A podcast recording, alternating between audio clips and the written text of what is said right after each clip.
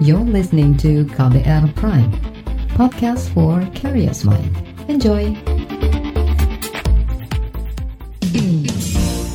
Anda mendengarkan Ruang Publik edisi khusus Indonesia Baik.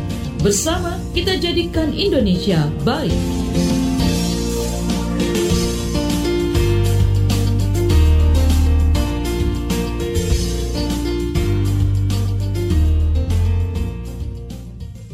Selamat pagi, kita berjumpa kembali dalam Ruang Publik KBR edisi Indonesia Baik bersama saya Don Brady dengan tema Gerak Cepat Donasi Online. Saudara penggalangan dana menjadi salah satu pilihan masyarakat untuk membantu sesama, baik yang terdampak pandemi COVID-19 maupun yang mengalami persoalan finansial karena faktor lain. Sejumlah platform digunakan untuk membantu sesama, baik secara daring maupun secara langsung. Jumlah bantuan yang terkumpul pun tidak sedikit, Jumlahnya mencapai ratusan miliar rupiah.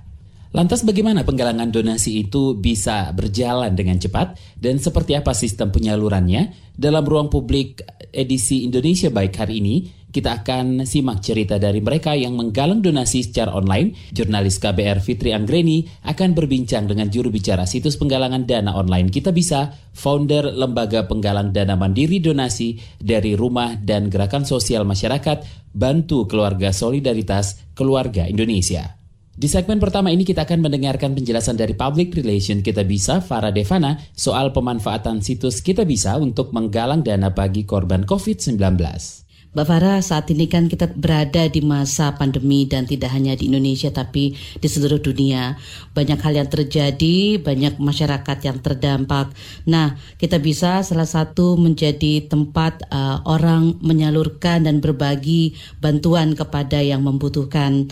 Nah, bisa diceritakan Mbak bagaimana uh, aktivitas kita bisa selama masa pandemi ini. Mungkin uh, bisa dirinci berapa banyak penggalangan dana yang dilakukan atau berapa banyak dana yang sudah terkumpul.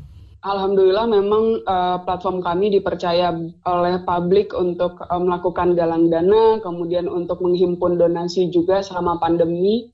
Kalau dari pertama kali uh, ada yang membuka halaman galang dana terkait COVID di Kita Bisa itu sekitar tanggal 12 Maret.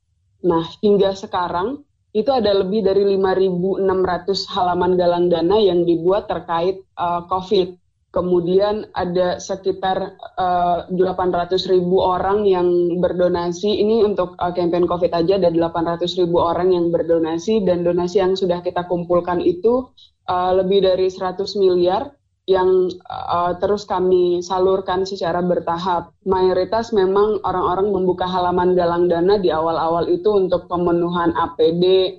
Kemudian uh, makin ke sini ke kebutuhannya berubah. Uh, ada kemudian banyak orang juga yang membuka halaman galang dana untuk sembako bagi mereka pekerja informal yang terdampak, makanan sehat, kemudian juga untuk uh, pembersihan sarana-sarana publik dan juga rumah ibadah.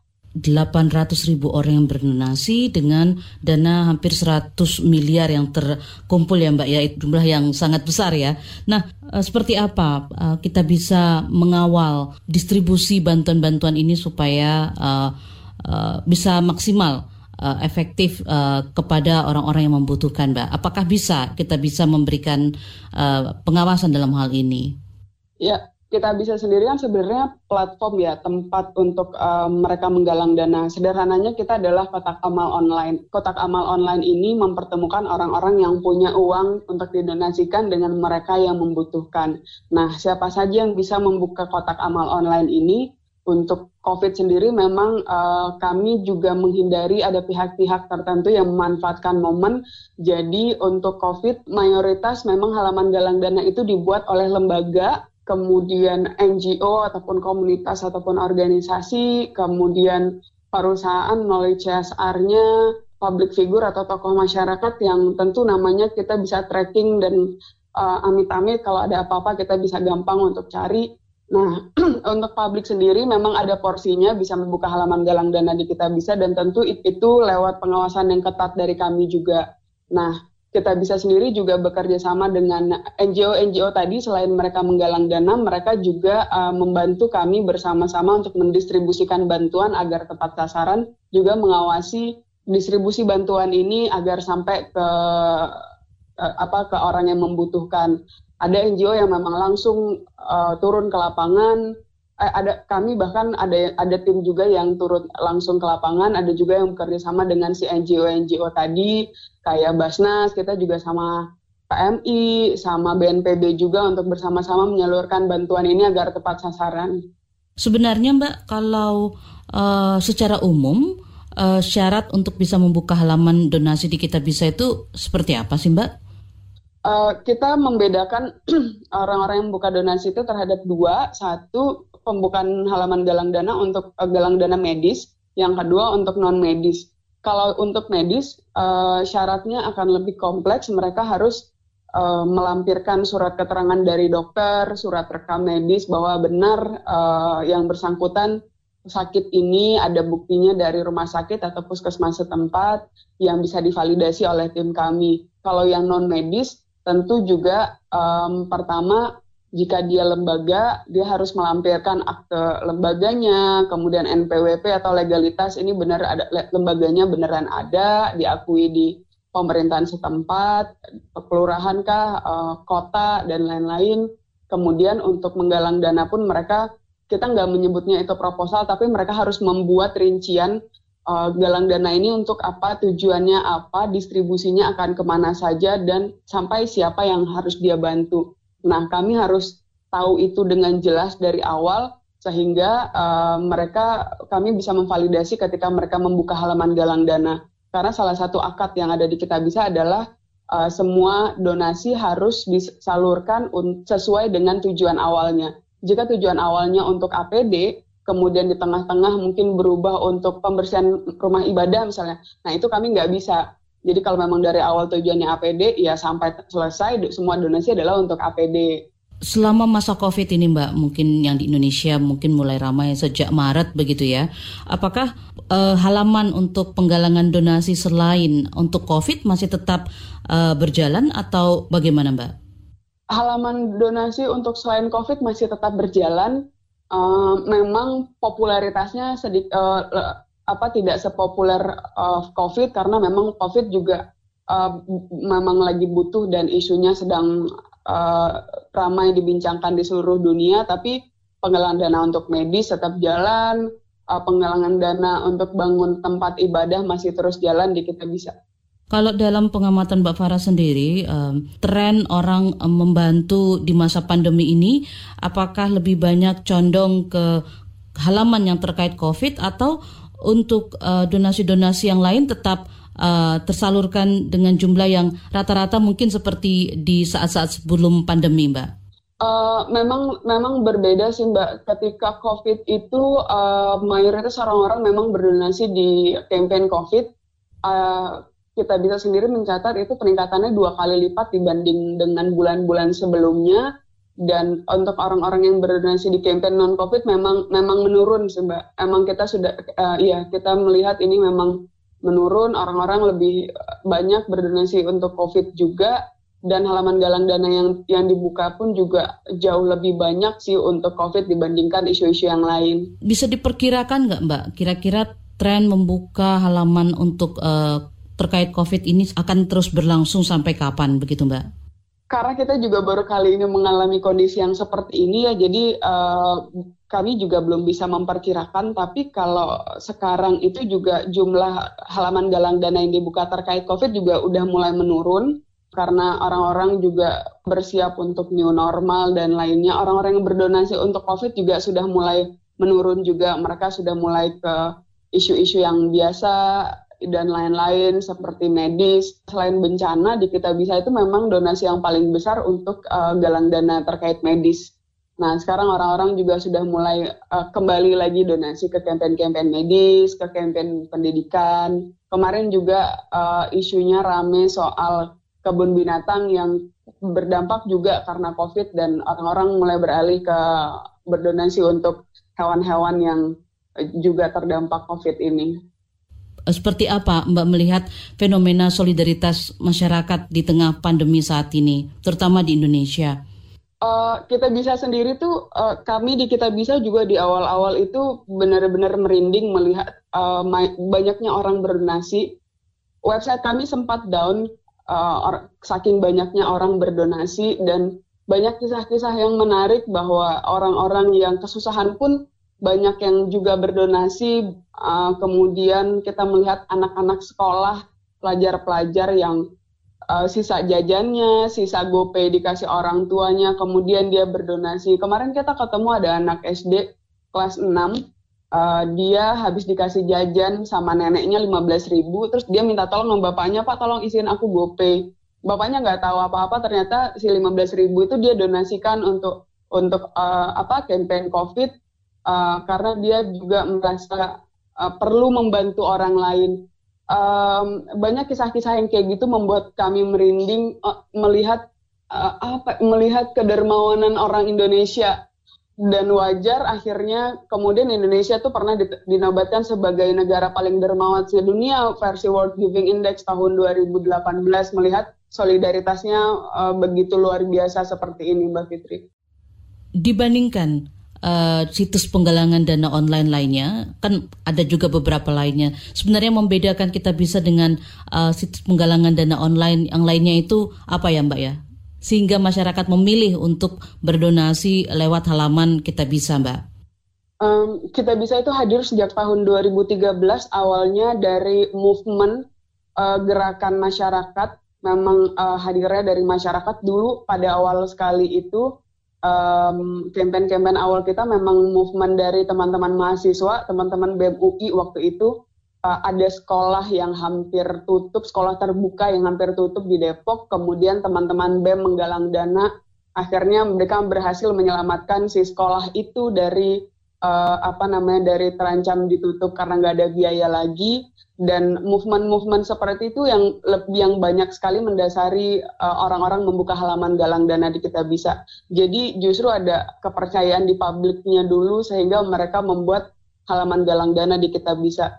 Selain itu juga um, kita bisa itu uh, platformnya terbuka, siapa saja bisa mengakses uh, sudah berapa banyak donasi yang berhasil dikumpulkan Kemudian kami punya fitur kabar terbaru, namanya di fitur kabar terbaru ini semua orang bisa mengakses donasinya sudah disalurkan atau belum, sudah dicairkan berapa, sekarang sisa berapa, ke mana donasinya dicairkan, dan untuk donatur yang sudah berdonasi di halaman galang dana itu, mereka mendapatkan report setiap penggalang dana melakukan update di kabar terbaru tadi. Jadi semua transparan, terbuka, tidak ada yang ditutup-tutupi, dan semuanya bisa mengakses um, kami rasa faktor-faktor itu yang membuat orang percaya untuk membuka halaman di galang dana di kita bisa dan berdonasi juga di kita bisa. Ruang Publik KBR edisi Indonesia Baik masih akan terus berlanjut usai jeda dan masih akan kita dengarkan penjelasan public relation kita bisa Farah Devana. Anda mendengarkan Ruang Publik edisi khusus Indonesia Baik. Bersama kita jadikan Indonesia baik.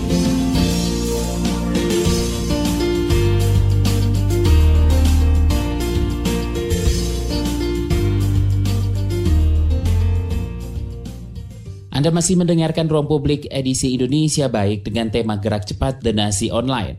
Sebagai informasi, KBR bersama media Kata Data, Bisnis Indonesia, Majalah Swa, serta Lumbung Pangan Indonesia melakukan gerakan penggalangan dana bagi ASA. Bantuan ini berupa pemenuhan kebutuhan alat pelindung diri bagi tenaga medis serta paket sembako untuk masyarakat. Di segmen ini kita masih akan mendengarkan penjelasan Farah Devana Public Relation Kita Bisa kepada jurnalis Fitri Anggreni. Uh, kalau ingin membuka halaman di penggalangan donasi uh, misalnya untuk uh, pribadi ataupun untuk komunitas-komunitas Mbak apa hal-hal yang harus diperhatikan agar halaman kita bisa menarik orang-orang uh, untuk berdonasi sehingga hasil yang didapat bisa maksimal, Mbak? Mungkin ada tips-tips barangkali. Uh -uh. Pertama, uh, pastikan kita bisa menggali cerita yang menarik, yang uh, bisa menarik perhatian orang untuk berdonasi. Uh, kemudian memang butuh sekali, memang butuh juga foto yang jelas, keterangan yang jelas. Pak publik itu sangat kritis untuk melihat misalnya uh, ada pembangunan untuk panti asuhan, tapi penggalang dana tidak menyertakan foto yang jelas kenapa panti asuhan ini layak dibantu, ini lokasinya di mana bahkan sampai alamat detail karena ada beberapa donatur juga yang suka uh, apa namanya berdonasi ketika semuanya jelas. Pasti mereka pengen semuanya jelas, transparan, butuhnya berapa. Yang seperti itu sih sangat penting ya men untuk meningkatkan kepercayaan donatur untuk berdonasi. Kemudian juga biasanya eh, orang-orang uh, mau berdonasi ke lembaga-lembaga yang jelas, yang sudah terverifikasi. Akan berbeda misalnya saya secara pribadi membuka halaman galang dana untuk sebuah panti asuhan A dengan sebuah yayasan yang valid, uh, yang ada aktenya, yang bisa dicek untuk membuka halaman galang dana untuk si yayasan A juga. Nah, dari sisi orang-orang yang ingin berdonasi, Mbak, secara umum banyak sekali uh, halaman-halaman uh, situs yang membuka uh, penggalangan donasi, tentunya selain di kita bisa. Nah, mungkin apa tips-tips yang bisa diberikan secara umum oleh Mbak Farah agar orang-orang yang niat baiknya itu tidak sampai disalahgunakan oleh orang-orang atau kelompok-kelompok yang tidak bertanggung jawab, Mbak? Kalau ingin berdonasi ke kampanye medis, uh, pastikan pastikan selain uh, penggalang dananya sudah terverifikasi di setiap halaman galang dana medis itu kita juga uh, apa namanya menyertakan bukti keterangan penyakitnya apa dan juga um, penyakit apa dan diagnosa ya diagnosa penyakitnya yang sudah di uh, apa namanya sudah divalidasi oleh dokter. Um, pastikan hal-hal yang seperti itu kalau memang belum ada sebaiknya dihindari dulu kemudian untuk galang dana yang selain medis memang lihat akunnya sudah terverifikasi apa belum. Untuk isu-isu yang besar uh, kami sarankan sih memang berdonasi ke penggalang dana yang berbentuk organisasi, uh, bukan perorangan untuk isu-isu yang besar ya, misalnya uh, COVID, memang lebih baik percayakan donasi Anda di lembaga-lembaga yang yang udah dikenal dulu, yang sudah lihat uh, sudah terverifikasi juga, tervalidasi juga nih track recordnya seperti apa, itu sih Mbak. Oh, kita bisa sendiri kan sudah menerapkan langkah-langkah untuk mencegah terjadinya apalah katakan uh, kecolongan gitu ya Mbak ya, apa tindakan penipuan. Tapi dalam perjalanan kita bisa sejak 2013 ada Mbak ketemu upaya untuk melakukan hal-hal penipuan misalnya lewat uh, membuka laman kita bisa Mbak? Hal-hal uh, yang kayak gitu kita tidak tidak kita pungkiri ada, tapi dari kami kami punya tim uh, namanya Trust and Safety.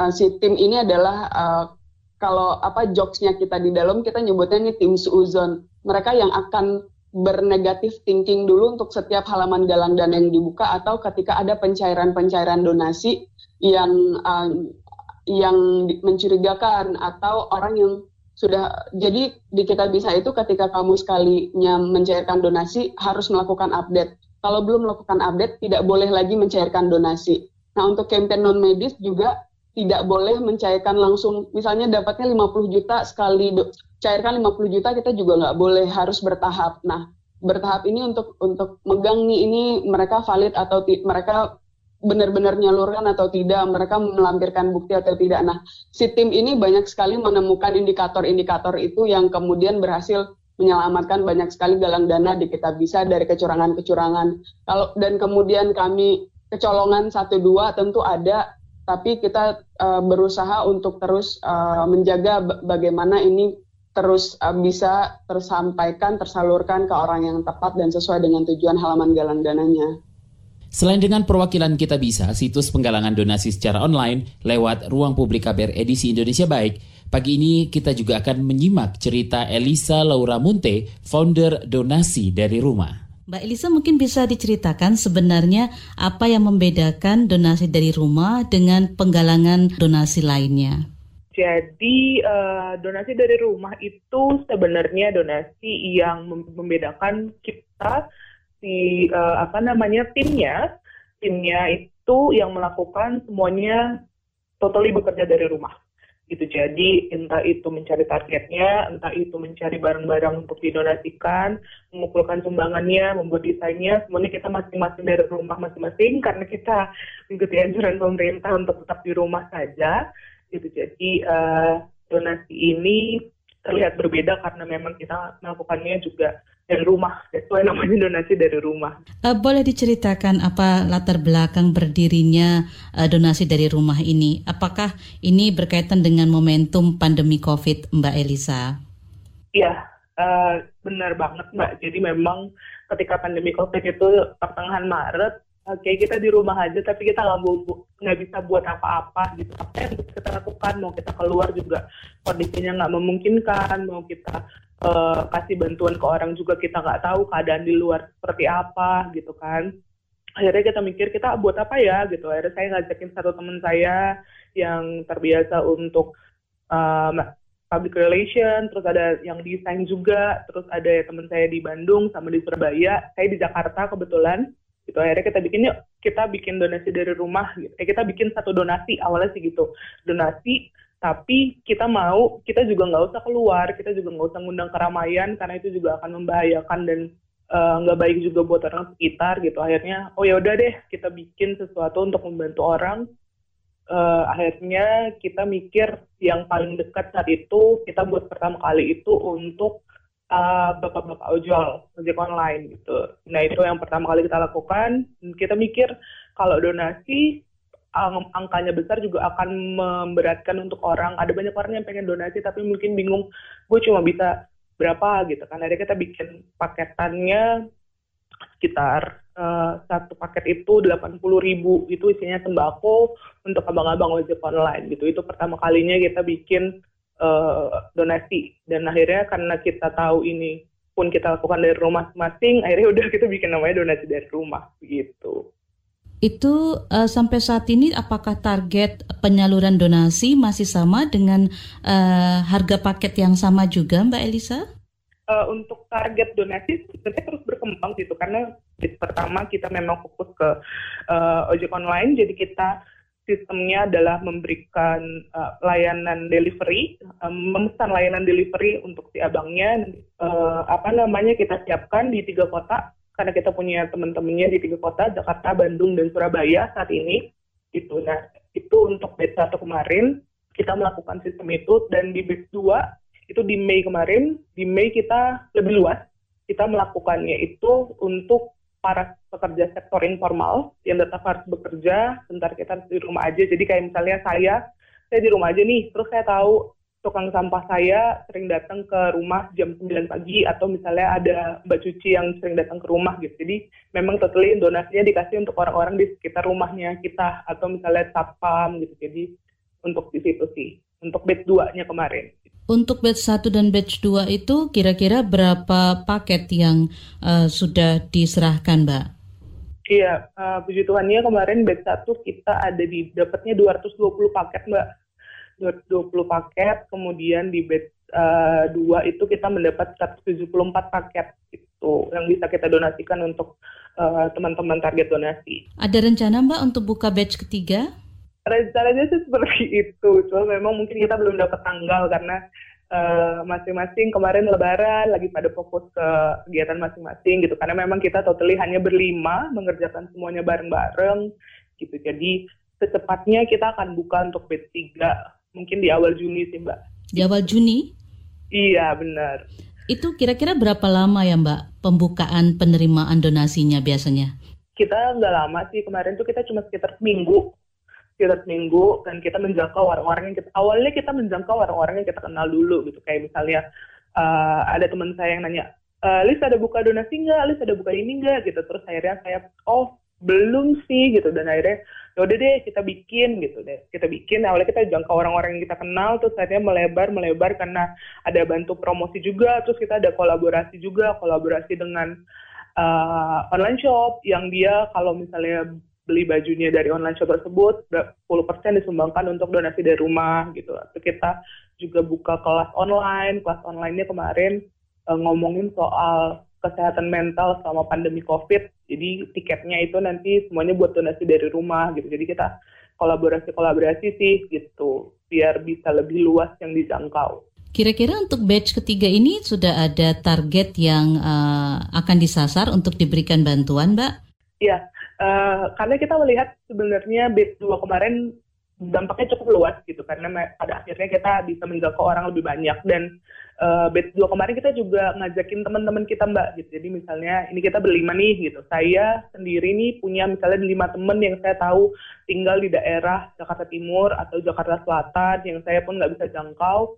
Saya minta tolong dia untuk membagikan ke teman-temannya ke orang di sekitarnya maksud saya orang di sekitarnya gitu jadi yang membutuhkan jadi itu namanya teman DDR teman donasi dari rumah gitu nah mungkin untuk batch ini kita juga akan melakukan hal yang sama karena terlihat lebih efektif dari satu tangan ke tangan yang lain yang lebih dekat dan memang dari rumah saja terlihat jauh lebih efektif sih mbak.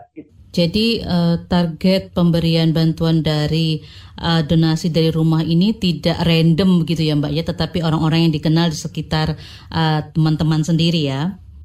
Uh, mungkin lebih tepatnya orang-orang pekerja sektor informal di sekitarnya mereka yang mereka tahu memang membutuhkan gitu Mbak. Kalau dalam uh, pengetahuannya Mbak Elisa, orang-orang yang mendapat bantuan dari uh, donasi dari rumah ini, apakah mereka uh, juga mendapatkan bantuan dari uh, pemerintah misalnya lewat beberapa program jaring pengaman sosial yang diadakan oleh pemerintah, Mbak?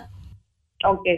ada memang beberapa penerima yang saya tanyakan gitu, mereka ada yang mendapatkan bantuan sosial juga dari pemerintah sembako, atau itu uang tunai atau itu entah itu sembako gitu, tapi tidak semua sih mbak, mungkin belum merata juga kali ya gitu, dan apa namanya ada juga yang terkendala karena administratif dan lain-lain gitu saya juga kurang paham sih tapi memang adalah beberapa yang mendapatkan gitu. Tapi apakah menjadi prioritas bagi mereka yang belum mendapat bantuan lain, Mbak? Iya, uh, uh, pasti sih Mbak gitu. Jadi memang karena donasi ini ada sekitar seratusan, kita bagi-bagi ke beberapa daerah. Jadi misalnya satu daerah bisa dapat 10 gitu. Pasti awalnya kita pasti akan kasih prioritas untuk yang belum mendapatkan gitu di satu daerah tersebut. Ruang Publik KBR edisi Indonesia Baik masih akan terus berlanjut usai jeda. Anda mendengarkan Ruang Publik edisi khusus Indonesia Baik. Bersama kita jadikan Indonesia baik.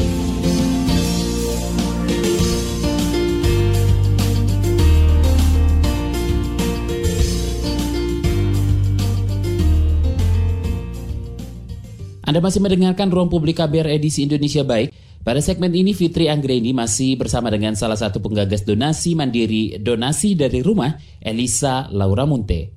Dan uh, pemberi donasi sendiri juga masih teman-teman sendiri atau juga membuka uh, open donasi gitu bagi mereka siapa saja yang mau membantu begitu Mbak? Iya, kami buka buat siapa saja yang mau membantu gitu karena uh, awalnya dari teman-teman cuma akhirnya berkembang berkembang berkembang jadi lebih luas gitu. Bahkan kemarin kita juga dapat dari Australia gitu dan kita setting banget. Ternyata mbaknya juga akhirnya mau donasi masker masker jadi ya donasi masker. Jadi di setiap paketnya kita juga masukin masker masker gitu dari dari dari donatur langsung. Jadi sebenarnya donasi yang diterima oleh donasi dari rumah ini tidak hanya uang ya Mbak ya, tapi juga barang, begitu? Awalnya sih memang kita uang cuma kalau memang ada yang memberikan dan kita bisa dan kita bisa memfasilitasi sebenarnya itu oke sih mbak nggak masalah. Barang-barang yang dibutuhkan sama si penerima donasi kali ya mbak sembako hand sanitizer uh, apa namanya masker itu mungkin masih bisa kita terima. Tapi ke penerima tidak uh, memberikan uang tunai ya mbak? Tapi berupa paket sembako begitu ya? Ya kita tidak memberikan uang tunai sih mbak karena nanti sensitif ya kalau uang ya gitu. Jadi kita memberikannya sembako saja, lebih mungkin lebih berguna. Dalam uh, proses penggalangan dana yang dilakukan donasi dari rumah, apa uh, kendala atau tantangan yang dihadapi Mbak dalam prosesnya? Sejauh ini sih belum ada nih Mbak, cuma mungkin uh, yang terjadi adalah kita belum bisa menjangkau lebih banyak donatur gitu karena memang uh, terbatas, kita tidak keluar rumah, kita tidak melakukan promosi yang gimana gimana gitu jadi memang masih istilahnya kalau masih skala kecil gitu jadi ini belum bisa menjangkau lebih banyak donatur.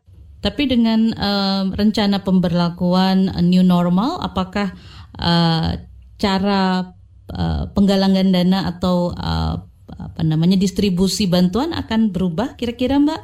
Belum.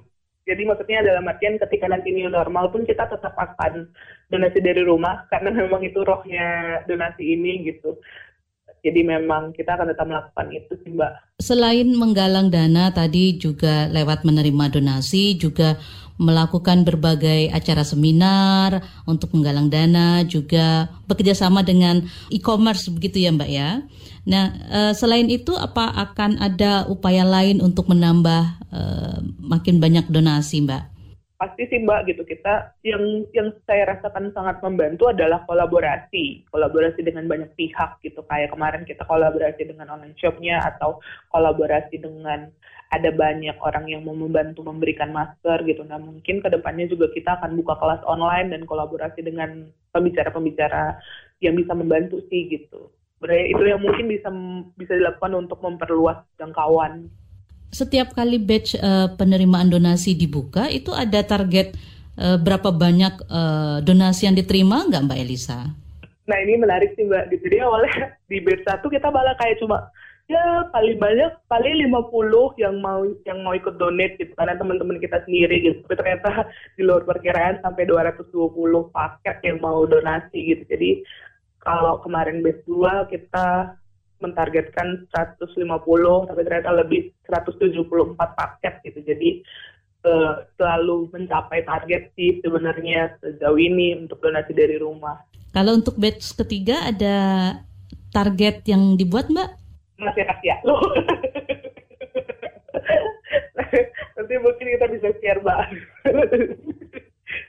Oke. Okay.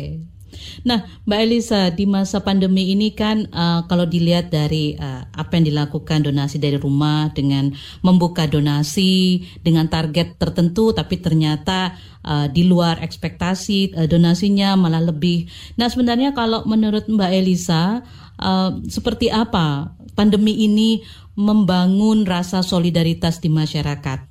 ya itu itu sebenarnya salah satu yang saya juga surprise banget sih mbak gitu. Ternyata kita masih sangat kuat untuk mau berbagi gitu. Saya sempat berpikir Jakarta ya gimana ya? Saya Jakarta apa? Maksudnya semua sibuk dengan kegiatannya masing-masing banyak menyita waktu dan semacamnya. Tapi ternyata saya surprise ketika ada banyak sekali penggalangan dana yang dilakukan dan semuanya rata-rata apa namanya berhasil mengumpulkan dana yang cukup banyak gitu jadi saya tetap yakin dan saya tetap optimis seberapapun kita terkungkung, seberapapun kita merasa kita tidak nyaman dengan keadaan, tapi ketika ada sekitar kita yang membutuhkan, kita tetap mau untuk memberikan, kita tetap mau ngasih tangan kita untuk untuk membantu gitu dan ya sangat tinggi sih menurut saya gitu dan itu terlihat dari banyaknya penggalangan dana dan semuanya berhasil mengumpulkan dana yang nggak sedikit. Gitu. Nah, untuk melihat uh, cara dan juga apa saja kegiatan donasi dari rumah itu bisa dicek di mana ya Mbak Elisa ya? Semua kegiatan kita update-nya di Instagram donasi dari rumah gitu dan sejauh ini memang cukup aktif. Nanti batch 3 juga kita akan buka dan semuanya kita update-nya di Instagram @donasi dari rumah gitu. Ada banyak donasi yang digalang komunitas atau lembaga untuk membantu masyarakat yang membutuhkan saat pandemi corona ini seperti yang dilakukan donasi dari rumah. Selain itu, pagi ini kami juga berbincang bersama Gerakan Sosial Masyarakat Bantu Keluarga Solidaritas Keluarga Indonesia, Freddy Chandra. Uh, mengenai gerakan sosial solidaritas keluarga Indonesia, bagaimana awalnya gerakan ini muncul, Mas Freddy?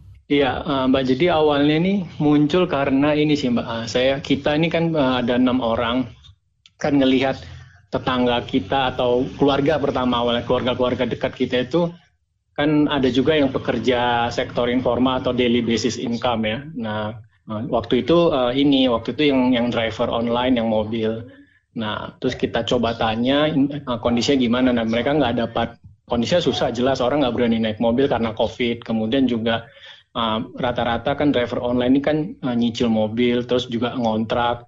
Nah, jadi itu sulit banget. Nah, belum lagi terus karena keluarga ya ada yang punya bayi, punya anak gitu. Uh, kondisinya itu parah dan mereka kan selama ini karena uh, tercatat sebagai orang yang punya pekerjaan tapi uh, dalam waktu dekat uh, teman-teman yang keluarga tadi bilang kita nih kesusahan nih kalau terus begini sulit banget dapat uh, penghasilan. Nah, artinya apa? Dari situ saya ngeliat ini akan jadi persoalan besar nanti ini ke ketika waktu itu ya, pertengahan bulan April ya waktu itu. Terus saya pikir ya udah uh, saya tanya kan ke keluarga itu apakah itu banyak jumlah oh bisa ratusan ribu itu jumlahnya. Uh, akhirnya dari situ saya berpikir sebenarnya kan ada juga keluarga lain yang mungkin uh, kayak, kayak kayak saya misalnya saya menerima gaji tetap gitu. Terus banyak lah ya ada juga yang seperti itu. Mungkin bisa kalau kita patungan ngebantu itu bisa bisa nolong lah sedikit. Setidaknya anak-anak keluarga yang pekerja harian lepas tadi atau yang daily, income tuh uh, nggak kelaparan gitu kan. Karena kebetulan kita punya apa ya punya kapasitas untuk membuat semacam metodologi survei yang crowd mapping assessment. Jadi si keluarga yang butuh tuh bisa melakukan assessment dirinya sendiri kemudian kirim ke kita tanpa kita harus bertemu muka. Karena kan nggak mungkin ya waktu itu masih covid ya. Nah, itu kita lakukan Nah, akhirnya ketika kita tes case pertama 15 orang yang kita kenal dan memang kondisinya kita tahu susah dan butuh bantuan, terus kita hubungkan nih dengan donatur atau keluarga yang mau bantu. Waktu itu masih semangatnya mulut ke mulut aja gitu. Uh, begitu ada respon dari keluarga donatur atau yang mampu membantu, nah kita salurkan ke 15 keluarga yang pertama itu, Nah, terus kita, eh ini kayaknya bisa bekerja nih sistem online kita tanpa ketemu, tapi kita bikin verifikasi sih metode ada scoring, kemudian ada data valid. Nah, dari keluarga itu kan mereka juga akan punya teman tuh atau tetangga atau kerabat dekat uh, yang juga butuh gitu. Biasanya itu satu kontrakan itu, misalnya satu los atau satu RT gitu kan. Mereka, eh ini bisa mungkin kalau emang nggak ada bantuan dari RT lagi. Ya.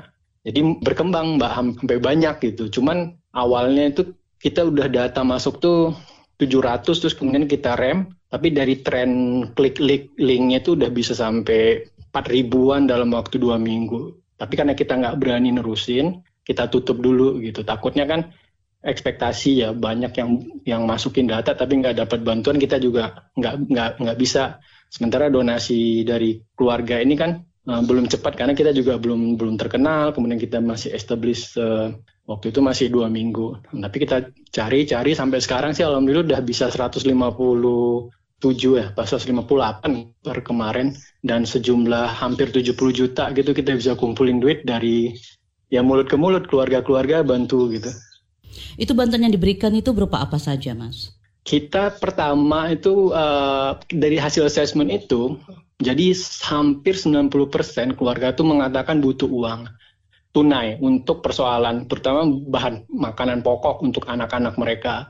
Terus kedua bayar kontrakan dan dan listrik. Terus kita ngasihnya pertama dua pertama uang cash maupun langsung beliin bahan makanan. Tapi ternyata uh, menurut keluarga yang dibantu mereka yang lebih tahu butuh makannya apa, kemudian belanjanya di mana dan memang lebih efektif gitu. Nggak ada biaya distribusi nggak perlu belanja. Toh mereka juga akan belanjain uh, cashnya itu ke ke pedagang lain. Artinya kondisi covid sekarang kan itu masih mungkin ya bukan bencana. Artinya mereka bisa mandiri Nah akhirnya kita putuskan sekarang cash transfer aja langsung. Berapa ya mas? Jumlahnya tuh variasi sih mbak. Jadi tergantung kondisi keluarganya. Kan masuk data kan kita scoring keluarga dengan anak bayi atau balita atau anak datanya kita pilih-pilih atau dia punya lansia dalam tanggungan atau anak difabel atau yang dalam kondisi sakit. Nah itu kita bervariasi. Tapi rata-rata misalnya karena ini fokusnya kita segmennya usahain hanya anak dan kebutuhan khusus dan yang sakit ya itu rata-rata dari uh, paling sedikit kita ngasih itu 250 ribu. Itu kalau dia punya anak balita anak balita dan skornya nggak terlalu tinggi ya skor ke kerentanannya. Tapi kalau tinggi baik kita kasih 300 ribu sampai dengan sejuta. Kalau sejuta itu ada yang misalnya anaknya operasi dalam tanggungan itu ada yang sakit entah itu anak istri suami atau biasanya mertua atau orang tua sendiri ya yang lansia kita akan lebihkan gitu. Jadi kasarannya um, itu bisa sampai sejuta. Jadi 600 sampai sejuta kita kasih tergantung kondisinya dan tergantung donatur.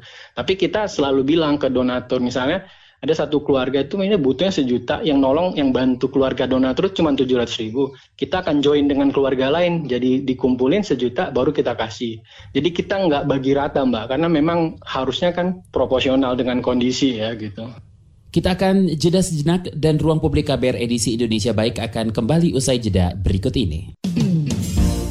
Anda mendengarkan ruang publik edisi khusus Indonesia Baik. Bersama kita jadikan Indonesia baik.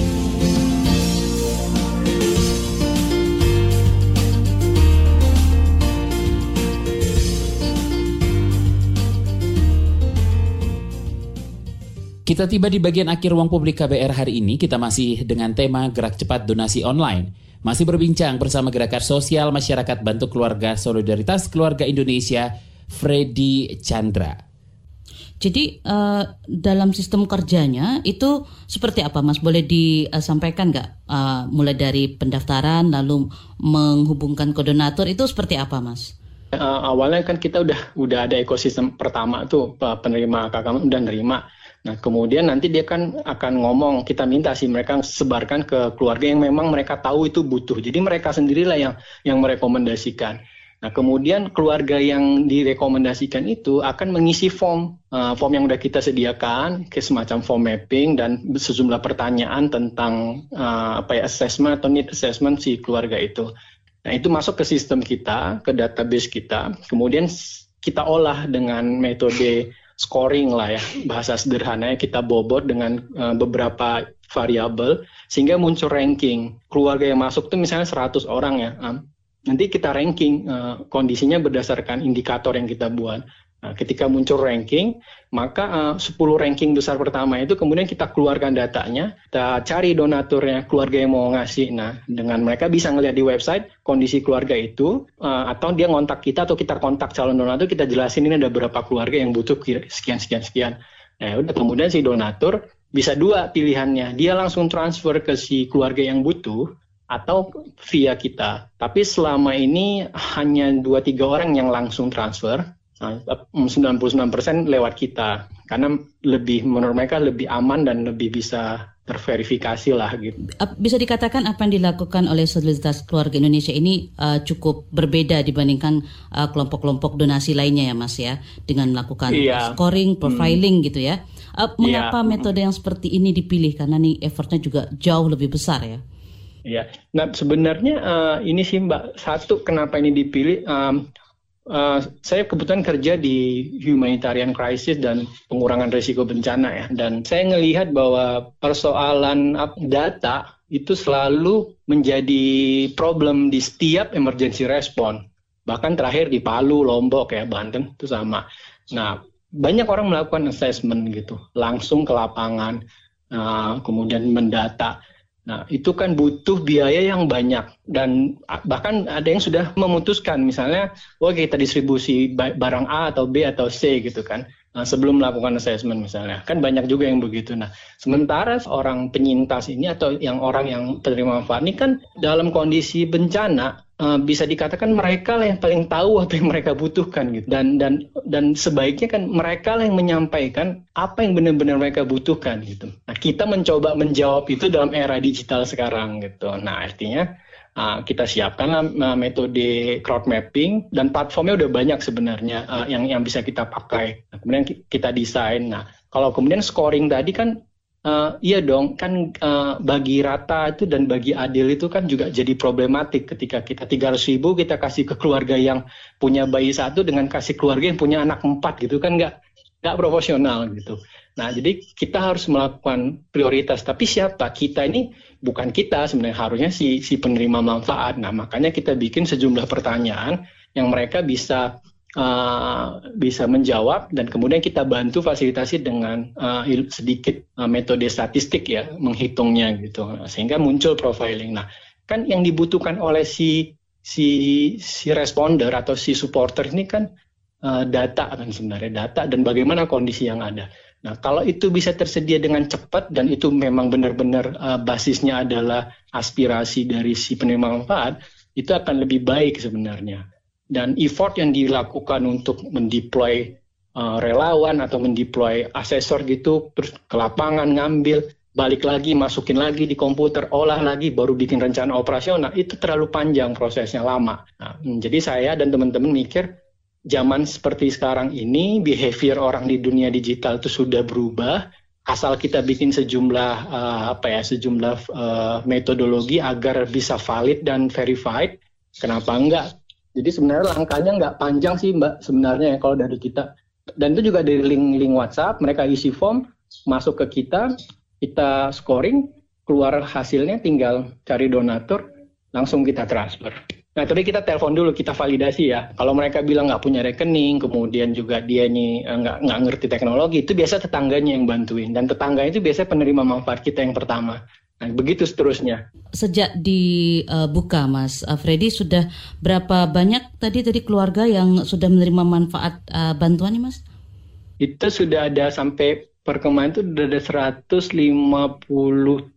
ya, dengan jumlah donasi itu 68 juta 500 kalau nggak salah, hampir 70 juta.